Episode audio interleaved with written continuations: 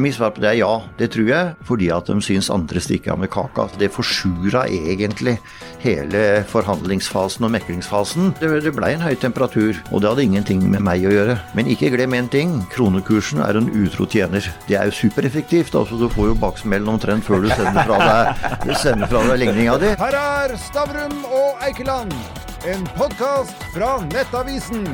Stein Lia Hansen, du er Norsk Industris mektige leder og tidligere Ap-mann. Ta oss tilbake en uke. Hvordan reagerte du da meklingsmannen kom til dere og sa at LO hadde stemt nei til skissen, og at det ble streik? Nei, Vi blei veldig skuffa, for vi ville jo i det lengste prøve å unngå streik. Eh, vi er jo i en vanskelig situasjon etter coviden og krigen og alt det usikkerheten rundt økonomi, så det var en skuffelse. Men var det ikke også en overraskelse? Vel, overraskelse, overraskelse, fru Blom. Det, altså, vi visste jo at vi hadde eh, mekla i over to døgn, og vi var jo ikke blitt enige partene imellom. Og da ligger jo alltid en usikkerhet i at eh, den skissen som eh, Riksmegler da legger fram, ut ifra sitt beste skjønn, den kan jo bli nedstemt, så klart. Men for oss som var på utsiden, da, så, så var jo liksom 4,9 et, et slags eh, en strek i sanden hvor, hvor da beregna prisvekst lå. Og så kom det etter hvert fram at, at, eh, at rammen var på 5,2% altså en gjennomsnittlig økt kjøpekraft for alle. Jeg tror det kom som en stor overraskelse på resten av landet at det faktisk ble storkonflikt med det grunnlaget. Ja, det, det, det, forstår jeg jo. fordi at eh, med en ramme på 5,2 så vil du da i teorien få kjøpekraft. Men problemet for LO var nok at de mente at en for stor andel av den ramma den var overlatt til lokale lønnsforhandlinger, altså det vi kaller glidningen. Og det gir jo ikke en sikkerhet for alle grupper, uh, om, de, om, de, virkelig får den glidningen som da er en del av regnestykket. Så det var vel liksom hvordan du hadde satt den ramma i sammen. Uh, det var vel det som var problemet for LO, uh, ut ifra en, en lovnad om at en skulle sikre kjøpekraft til alle, altså bedre kjøpekraft til alle. Men hvordan kan man da streike en uke og komme til en løsning som lå så til de grader opp i dagen? Altså en liten justering fra, fra lokalt oppgjør til sentralt oppgjør? Det er jo et eller annet med at eh, når en iverksetter en streik, så, så går jo alvoret opp for begge parter, så klart. Eh, sånn at jeg føler vel at eh, de dagene vi var i streik, det var jo også en modningsprosess eh, hvor begge strakk seg enda litt lenger enn en gjorde under meklinga for å finne en løsning. Og Det viser jo litt av den norske modellen. Altså, En, en er jo ikke glad i en streik, en ønsker jo ikke en streik. Altså, En ser på det som et onde. ikke sant? Så det å komme seg ut av streiken var nok viktig for begge. Og da fører det til at du uh, strekker deg litt lenger og kanskje blir litt mer smidig enn det du var i selve meklingsfasen. Men likevel skulle denne streiken egentlig ha skjedd? Nei, Det er jo så klart delte meninger om, og det kan godt hende at uh, vi som uh, satt i mekling, skulle ha vært uh, enda mer smidige i selve meklingsfasen. Han, han, burde ha vært unngått, for å si det sånn, men streik er nå en gang et lovlig våpen. Og, og, det er jo, ja, og det fører da til at når du er i en streik, så går du jo litt inn i deg selv og tenker igjennom hvordan skal vi komme ut av den streiken. Men Yngve Haagensen, hvis han hadde vært LO-leder, hadde det blitt streik da? Det blir jo ren spekulasjon, det, det, vil jeg ikke si noe om. Eh, LO hadde en veldig klar, eh, en klar målsetning med årets eh, mellomoppgjør, og det var å sikre økt kjøpekraft for de aller fleste medlemmene. og Det, det er et veldig vanskelig løfte å innfri, egentlig. Men, men hvorfor jeg spør om det? For det, det kan virke som at retorikken har blitt mye, mye hardere uh, nå den siste tiden enn det det var for 10-15-20 år siden. Det var tøff retorikk når Pål Krapi måtte gå. Jo, det, ja, men, la, la, oss gå tilbake litt. fordi at uh, du er gammel Arbeiderpartimann, så kan det være riktig å dra fram en, en klassiker, nemlig Karl Marx, som sa at uh, historien gjentar seg først som tragedie, så som komedie. Hvis du da tenker tilbake til 1986, hvor da arbeidsgiverne gikk til full lockout, og Lars Skyte, en legendarisk leder mm. av, av Jern og Metall, slo i bordet og var lynforbanna. I år, altså, når vi skal skrive historien, så er det historien om Pepsi Max bamsemomsstreiken. Hvordan tror du historien kommer til å dømme denne streiken? Det er et godt spørsmål, men for å forstå tror jeg, eh, det faktum at vi kom i en streik, så tror jeg en må forstå det stresset som er i samfunnet med bakgrunn i eh, den lange perioden med covid, den økonomiske usikkerheten som en konsekvens av krigen i Ukraina, og det faktum at, at de ansatte var ganske Altså, de tillitsvalgte i, i LO var jo rasende egentlig også pga. det med det de kaller bonusjippo, altså at altfor mange fikk bonus i 2022, pluss at det med høye lederlønninger stressa også stemningen. altså Det forsura egentlig hele forhandlingsfasen og meklingsfasen, fordi at nå er det vår tur. Eh, andre de eh, tar eh, rått av, av pengekassa gjennom bonusordninger og høye lederlønninger, så jeg tror de må forstå det i den settingen der. Og folk er stressa. Det er økte renter, det er økte matvarepriser, økte strømpriser. Alt det skapte en annen situasjon enn det jeg har opplevd tidligere i lønnsforhandlinger. Men eh, det lønnsoppgjøret, blir ikke det bare spist opp eh, av, av, renteheving som Norges Bank nå kommer med tydeligvis ekstra? Jo, altså Det er jo noe av det som er vår argumentasjon. At her kan vi komme inn i en fase som vi hadde på 1980-tallet, som de fleste husker, hvor økte lønninger ble spist opp av økte renter og inflasjon. Men hvor den smerteterskelen ligger, liksom, hva, hva, hvor ligger akkurat den smerteterskelen i forhold til om et lønnsoppgjør utløser nye renteøkninger, og dermed også presser opp en ny inflasjon. Akkurat det vet vi ikke, men det er jo det som er vår frykt fra NHO-sida. At blei det et for godt oppgjør, så ville egentlig eh, holdt på å si, inflasjonen øke, og Norges Bank ville blitt pressa til å sette opp rentene. Og da ville jo vinninga gå opp i spinninga, også for de som da fikk en økt, eh, økt lønns- økt kjøpeevne. Hjelp oss eh, til å forstå noe. Altså Underveis i, eh, i streiken så uh, sa du at den siste som var på bordet, ville, ville gitt økt kjøpekraft til alle. Ja. Peggy sa at Peggy, altså LO-lederen sa at det var en blank løgn.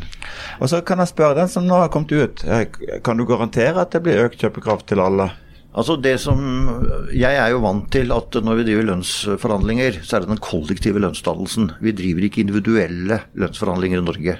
Så, de, så når, jeg, når jeg sa det jeg sa på Politisk kvarter, så tenkte jeg jo på store grupper. Altså den kollektive effekten av det. Men Peggy har så klart rett i når han sier at, eh, hvis, hvis, at det er blank løgn, i den forstand at jeg kunne ikke garantere at hver eneste ansatte i disse tariffområdene ville få økt lønnsøkning. Eh, det, der tror jeg vi er enige, og det har jo også Peggy også for så vidt justert sitt synspunkt under debatten på NRK. Men det som skjer nå, da, det er at nå, nå ble en litt mer eh, treffsikker. da, altså En lagde et eget lavtlønnstillegg for grupper uten rett til lokale lønnsforhandlinger. Og en økte jo det sentrale tillegget med, med 50 øre. Så sånn sett så, så ble jo resultatet et oppgjør som nok sikrer at eh, ja, svært mange får en reallønnsvekst, men ikke alle. Det, det, er ikke mulig å sikre det gjennom den type lønnsoppgjør. Men, men, det, var, men det, var, relativt høy temperatur eh, rett etter de gikk ut i streik, eh, for å si det fint. Eh, ja, du er jo blitt eh, anklaga for å ha, ja, ha lekka informasjon fra, som er taushetsbelagt? Ja, det, altså det, det, det ble en høy temperatur. Eh, og det har jo noe med at eh, det står i Riksmeglers protokoll at det ble lagt fram en skisse, og at den ble nedstemt av LO. Men selve skissa er jo ikke kjent. Og da blir det jo på mange måter litt ordkløveri, og det blir litt vanskelig for partene å redegjøre for hvorfor ble det streik. Altså var det, Hvorfor valgte LO å gå til streik, og hvorfor valgte vi jo ikke tilby mer? Det blir jo nesten en håpløs debatt så lenge eh, skissa ikke er offentlig, og så lenge du har en taushetsplikt hvor du må være forsiktig med hva du sier. Så da blir det en sånn ordkløveri, og det skapte i seg sjøl tror jeg litt sånn tøff temperatur. Tar du noe kritikk for at du gikk for langt eh, i din ordbruk og, og avsløring av, av, hemmelige dokumenter? Ja, ja, altså, jeg har ikke ja. avslørt noen hemmelige dokumenter. Nei. fordi at uh, det, må, det, var lekkasje helt åpenbart i slutten av meklinga. For da begynte jo ulike deler av media å offentliggjøre bl.a. dette tallet på 5,2. Og det hadde ingenting med meg å gjøre. Eh, Overhodet ikke. Sånn at akkurat hvem som har bidratt til det tallet ble kjent, det vet jeg ikke. Men det jeg gjorde, var jo da i den, i den debatten med Jørn Eggum å på en måte si med litt, eh, litt eh, unyansert at det som da var lagt på bordet, ville sikre eh, økt kjøpekraft for alle. Og da tenkte jeg den kollektive lønnsdannelsen. Jeg mente ikke hvert enkelt individ. Det er veldig vanskelig å forstå uh, denne, dette hemmelig, hemmelighetsholdet. Jeg skjønner jo at det er uh, taushetsplikt under meglingen for å få den til å fungere. Men når meglingen er over, og det faktisk foreligger et eller annet dokument, så er det jo til og med ulov, altså det er jo ulovlig ifølge norsk lov. Det er til og med straffbart å lekke fra, fra meglingen. Hvorfor er ikke den skissen offentlig? Nei, Det er et godt spørsmål. og Jeg mener at eh, erfaringene fra årets mellomoppgjør, og det er jo første gangen vi har havna i en sånn situasjon i et mellomoppgjør, og, og det er vesentlig annerledes enn et hovedoppgjør hvor vi driver forbundsvise forhandlinger. Og Erfaringene fra årets mellomoppgjør og det etterspillet det tilsier, sånn som jeg ser det, det er min personlige mening, at en, et, en skisse som er lagt fram på partene, og som blir stemt over, og som fører til konflikt, den bør offentliggjøres. Jeg ser ingen god grunn for at ikke den kan offentliggjøres. Det jeg forstår, er at den ikke skal offentliggjøres alle samtalene i meklinga, og hvilke posisjoner en har hatt i ulike deler av prosessen. Det er noe annet, for da vil partene være veldig redd for å på en måte møtes og ha eh, tiltro til hverandre og dermed en viss frykt for å strekke seg mot et mål. Men en skisse som er lagt fram, den burde vært offentlig. Det hadde blitt en mye ryddigere og bedre debatt i ettertid. Men, men før det blir eventuelt lovlig, så uh, kommer jo anmeldelsene eh, denne uken. Uh, Riksmegleren han har jo sagt at han vurderer nå å anmelde både deg og NHO-sjefen. Ja, altså jeg, jeg, ser det som står i media. så får vi, Han har sagt at det er sannsynlig at han gjør det. Så får vi da se om det blir gjort. Eh, det har blitt gjort tidligere, som han sier. Eh, men det er for, for, oss, eh, for, oss, som for så vidt er de fire da, som satt i det engere kretsen på slutten, så er det for så vidt en helt grei sak. Da får jo politiet ta standpunkt til hva som er riktig og feil. Men jeg håper jo for så vidt at vi kan, kan gjennomføre lønnsoppgjør fremover uten at en liksom hele tiden skal være livredd for å bidra med offentlig informasjon. For vi har jo også en plikt til at folk rundt oss vet hva som skjer. Altså Det fremstår jo som veldig merkelig å havne i en storkonflikt, og så er det ingen som får innsikt i, i hva som egentlig skjedde når en part stemte ja og en annen part stemte nei. Og her eh, er det jo et redaktørstyrt medium som beskytter sine kilder. Så det, jeg tror jo ikke mediene kommer til å bidra veldig til denne, til denne etterforskningen. Men la oss skifte litt tema. For nå er jo da det frontfagenes ja. oppgjør ferdig. Og nå er jo allerede de offentlig ansatte på krigsstien, nå skal de ha økt kjøpekraft. Uh, er det ikke på tide at lærerne og sykepleierne får langt mer enn en industrien? Ja, Det er jo eh, sikkert delte meninger om det, men altså poenget med frontfaget, når det ble eh, formulert av Odd Aukrust, den kjente samfunnsøkonomen, så var det jo det at Norge er tjent med at den mest konkurranseutsatte industrien, som også er arbeidsintensiv, setter ramma for lønnsoppgjøret. Det, det, var liksom det som skulle sørge for at Norge eh, utvikla konkurransekraft i forhold til omverdenen. Og så skulle da de andre eh, på en måte få et lønnsoppgjør innafor den ramma. I dag så sier vi mer at frontfaget er en norm. Eh, og det fungerer jo, hvis du ser det over år, ikke sant. Statistisk så, så har vi en veldig vi har Lønnsdannelse Norge er jo veldig sånn sammentrykt, og, og, og en følger stort sett frontfaget. Så er det da sånn at hvis vi tar lærere, da, for f.eks., så er jo det en del av KS, altså kommunesektoren. Og, der, og, kommunesektoren som sådan har jo alltid vært eh, veldig lojal mot frontfaget og havna på den, eh, den årslønnsveksten som frontfaget har skapt. Men innafor den ramma så står jo kommunene fritt ikke sant, til å fordele likt mellom f.eks. ingeniører kan få mer av ramma, og lærere har fått mindre av ramma. Det er noe som hver sektor må ta ansvar for. Frontfaget blander seg ikke opp i hvordan en sektor, f.eks. kommunesektoren, fordeler ramma mellom ulike yrkesgrupper. Så det mener jeg er litt sånn misforstått. Men så skjønner jeg det, og jeg har vært med ja, på 2014-tallet så tror jeg vi var enige om f.eks. at eh, vi forsto at politiet måtte øke, f.eks. Få litt måtte få høyere lønn, fordi at du da måtte rekruttere. Og det er klart at Når det offentlige må rekruttere viktige grupper i samfunnet, så forstår alle det at det tidvis kan føre til at den kommer bedre ut enn det frontfaget gjør. Men det som var problemet i år, som skapte temperatur, det var jo det, hvis du tar industrien, da, så kom jo industriarbeideren på 3,7% mens industrifunksjonæren kom mye høyere pga. bonusordninger. Og den type grep det skaper, ja, det skaper frustrasjon. Og, og, folk som da er eh, organisert i Fellesforbundet f.eks., blir jo da kjempeirriterte. Og da kommer vi i en vanskelig situasjon, eller vi ellers hadde gjort det.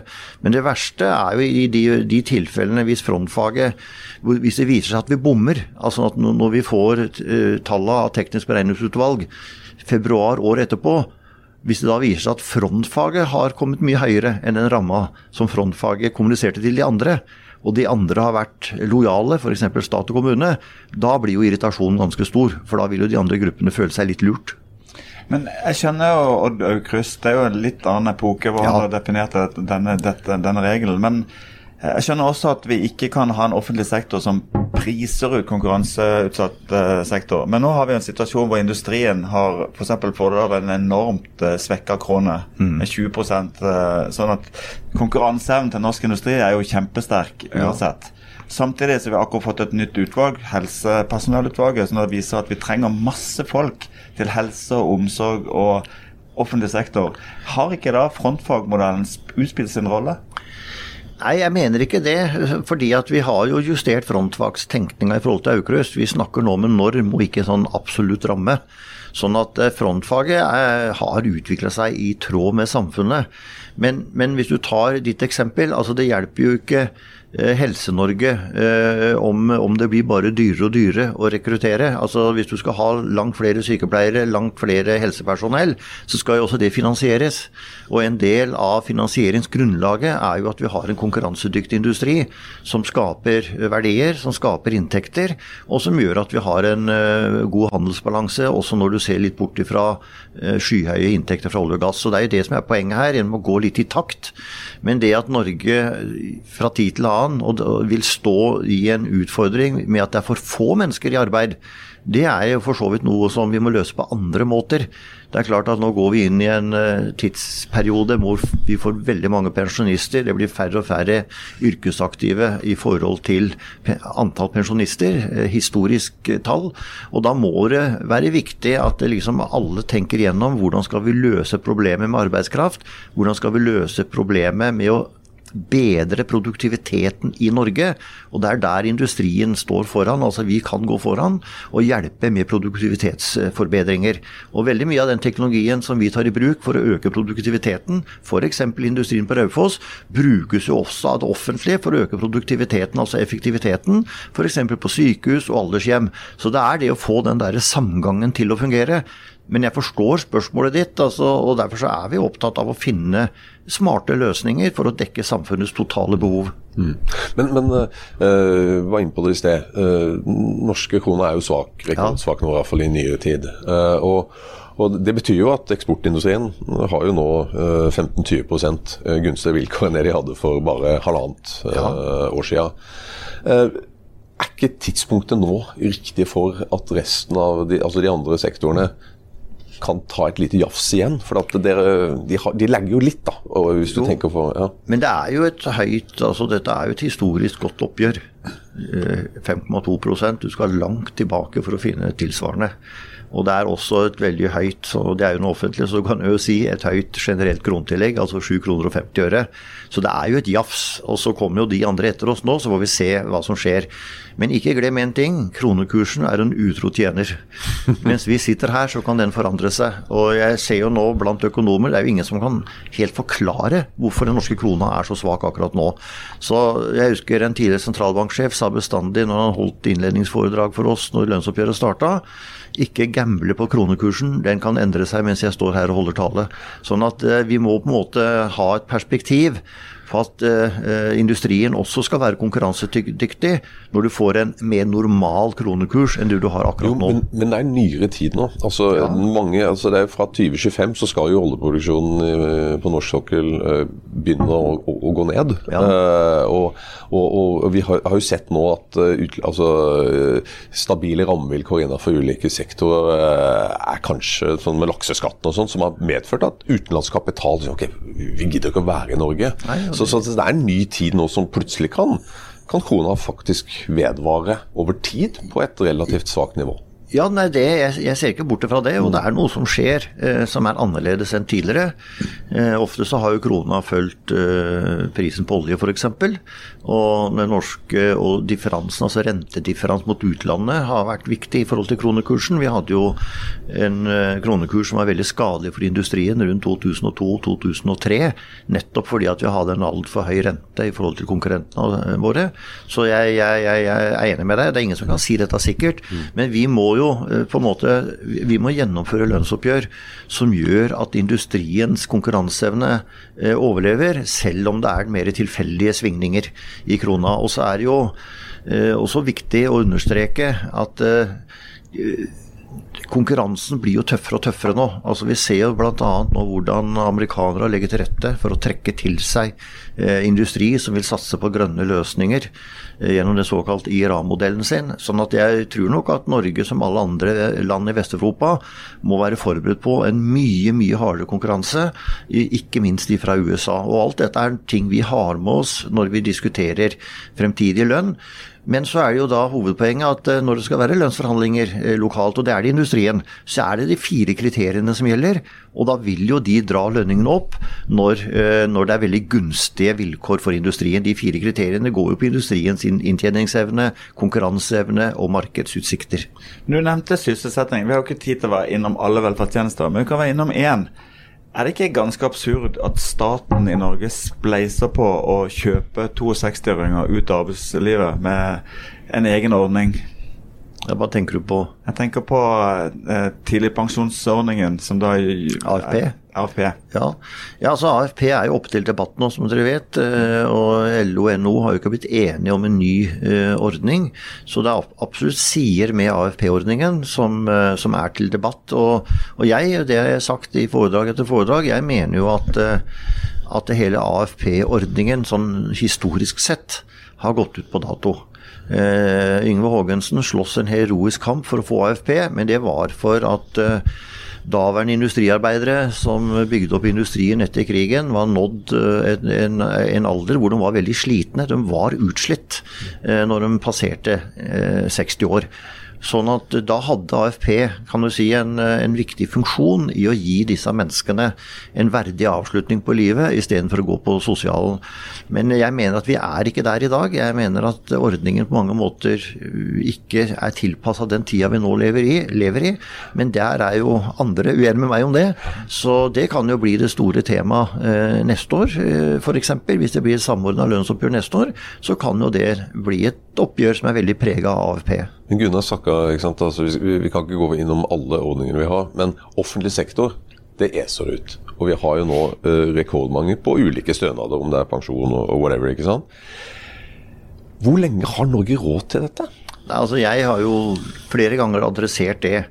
Og er, altså, Hvis du ser på antall som er ansatt i offentlig sektor, og alle de som står i ulike ytelsesordninger, så er jo det passert 50% omtrent av arbeidsstyrken. Og det er altfor høyt. Og det, det, hadde vi jo så klart ikke hatt råd til, hadde det ikke vært for disse enorme inntektene vi har fått fra Nordsjøen gjennom mange år. Eh, og så hadde vi jo en produktivitetskomité som dere, kommisjon som dere husker, som er nedsatt av eh, den første regjeringa til Erna Solberg. Og den konkluderte jo helt entydig med at produktiviteten generelt i det norske samfunnet er for lav. Og Derfor så må det gjøres grep for å få produktiviteten. Og den eneste sektoren som jo kom ut med bra karakter, var jo nettopp industrisektoren. For det at det ligger jo i, si, i genene til en industrileder at skal du overleve med eksportindustri i et høykostland, og du ligger langt fra markedene, så må du kompensere det med å være mer produktive enn konkurrentene. Altså Du må få mer ut mm. per arbeidstime, og mer ut av hver kilowatt kraft, hvis du f.eks. er i prosessindustri. Men, ja. Men, nå blir vi jo eldre, og nå skal, trenger vi enda flere til omsorgssektoren uh, osv. Så, videre. så, så det, det, går jo mot enda flere offentlige ja, uh, ansatte. Ja, og det, og det, er jo ikke noe nytt. Husker, når Bjarne Håkon Hansen var sosial- helseminister i, i, sin tid, så sa han jo det allerede den gangen. at på det tidspunktet som vi nå er inne i, mot 2030, så har vi kanskje et underskudd på flere, ja, 200 000 sykepleiere f.eks. Så det er en problemstilling som politikere må ta på største alvor. Men for å komme gjennom en sånn problemstilling, så må du iallfall sikre at du har en konkurranseutsatt industri som overlever.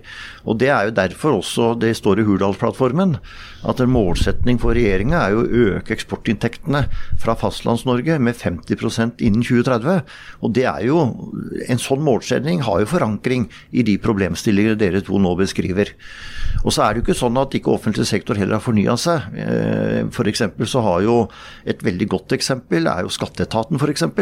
Nå er jo, det er jo supereffektivt. altså Du får jo baksmellen omtrent før du sender fra deg, sender fra deg ligninga di. Sånn at, så jeg tror dette er forstått, men det er mye å gå på. Det er veldig mye å gå på, men som jeg nevnte for dere i stad, vi har altså bedrifter som har bidratt til å øke produktiviteten i både sykehusavdelinger eh, og i aldershjem gjennom å sørge for at det offentlige får bedre kontroll på logistikken, og dermed kan drive mer effektiv utvikling av velferdstjenester. Jeg har lyst til å avslutte egentlig med et ja-nei-spørsmål. Det er jo mange som tror at det er NHO som bestemmer lederlønningene her i Norge. Men du beskrev et klima hvor det var ganske stor forbannelse blant ansatte pga. lederbonuser og økte sjeflønninger i fjor. Hadde denne streiken vært unngått uten den lederlønnsbonanzaen vi så i fjor? Mitt svar på det er ja, det tror jeg. Og det har noe med at enhver lønnsforhandling er avhengig av en veldig eh, god dialog mellom partene. Det må være lite frustrasjon, og du, alt blir verre hvis du møter en motpart som i utgangspunktet er kjempeirritert og, og holdt på å si forbanna fordi at de syns andre stikker av med kaka. Så jeg, jeg tror det. Du fikk Stavrum og Eikeland, en podkast fra Nettavisen.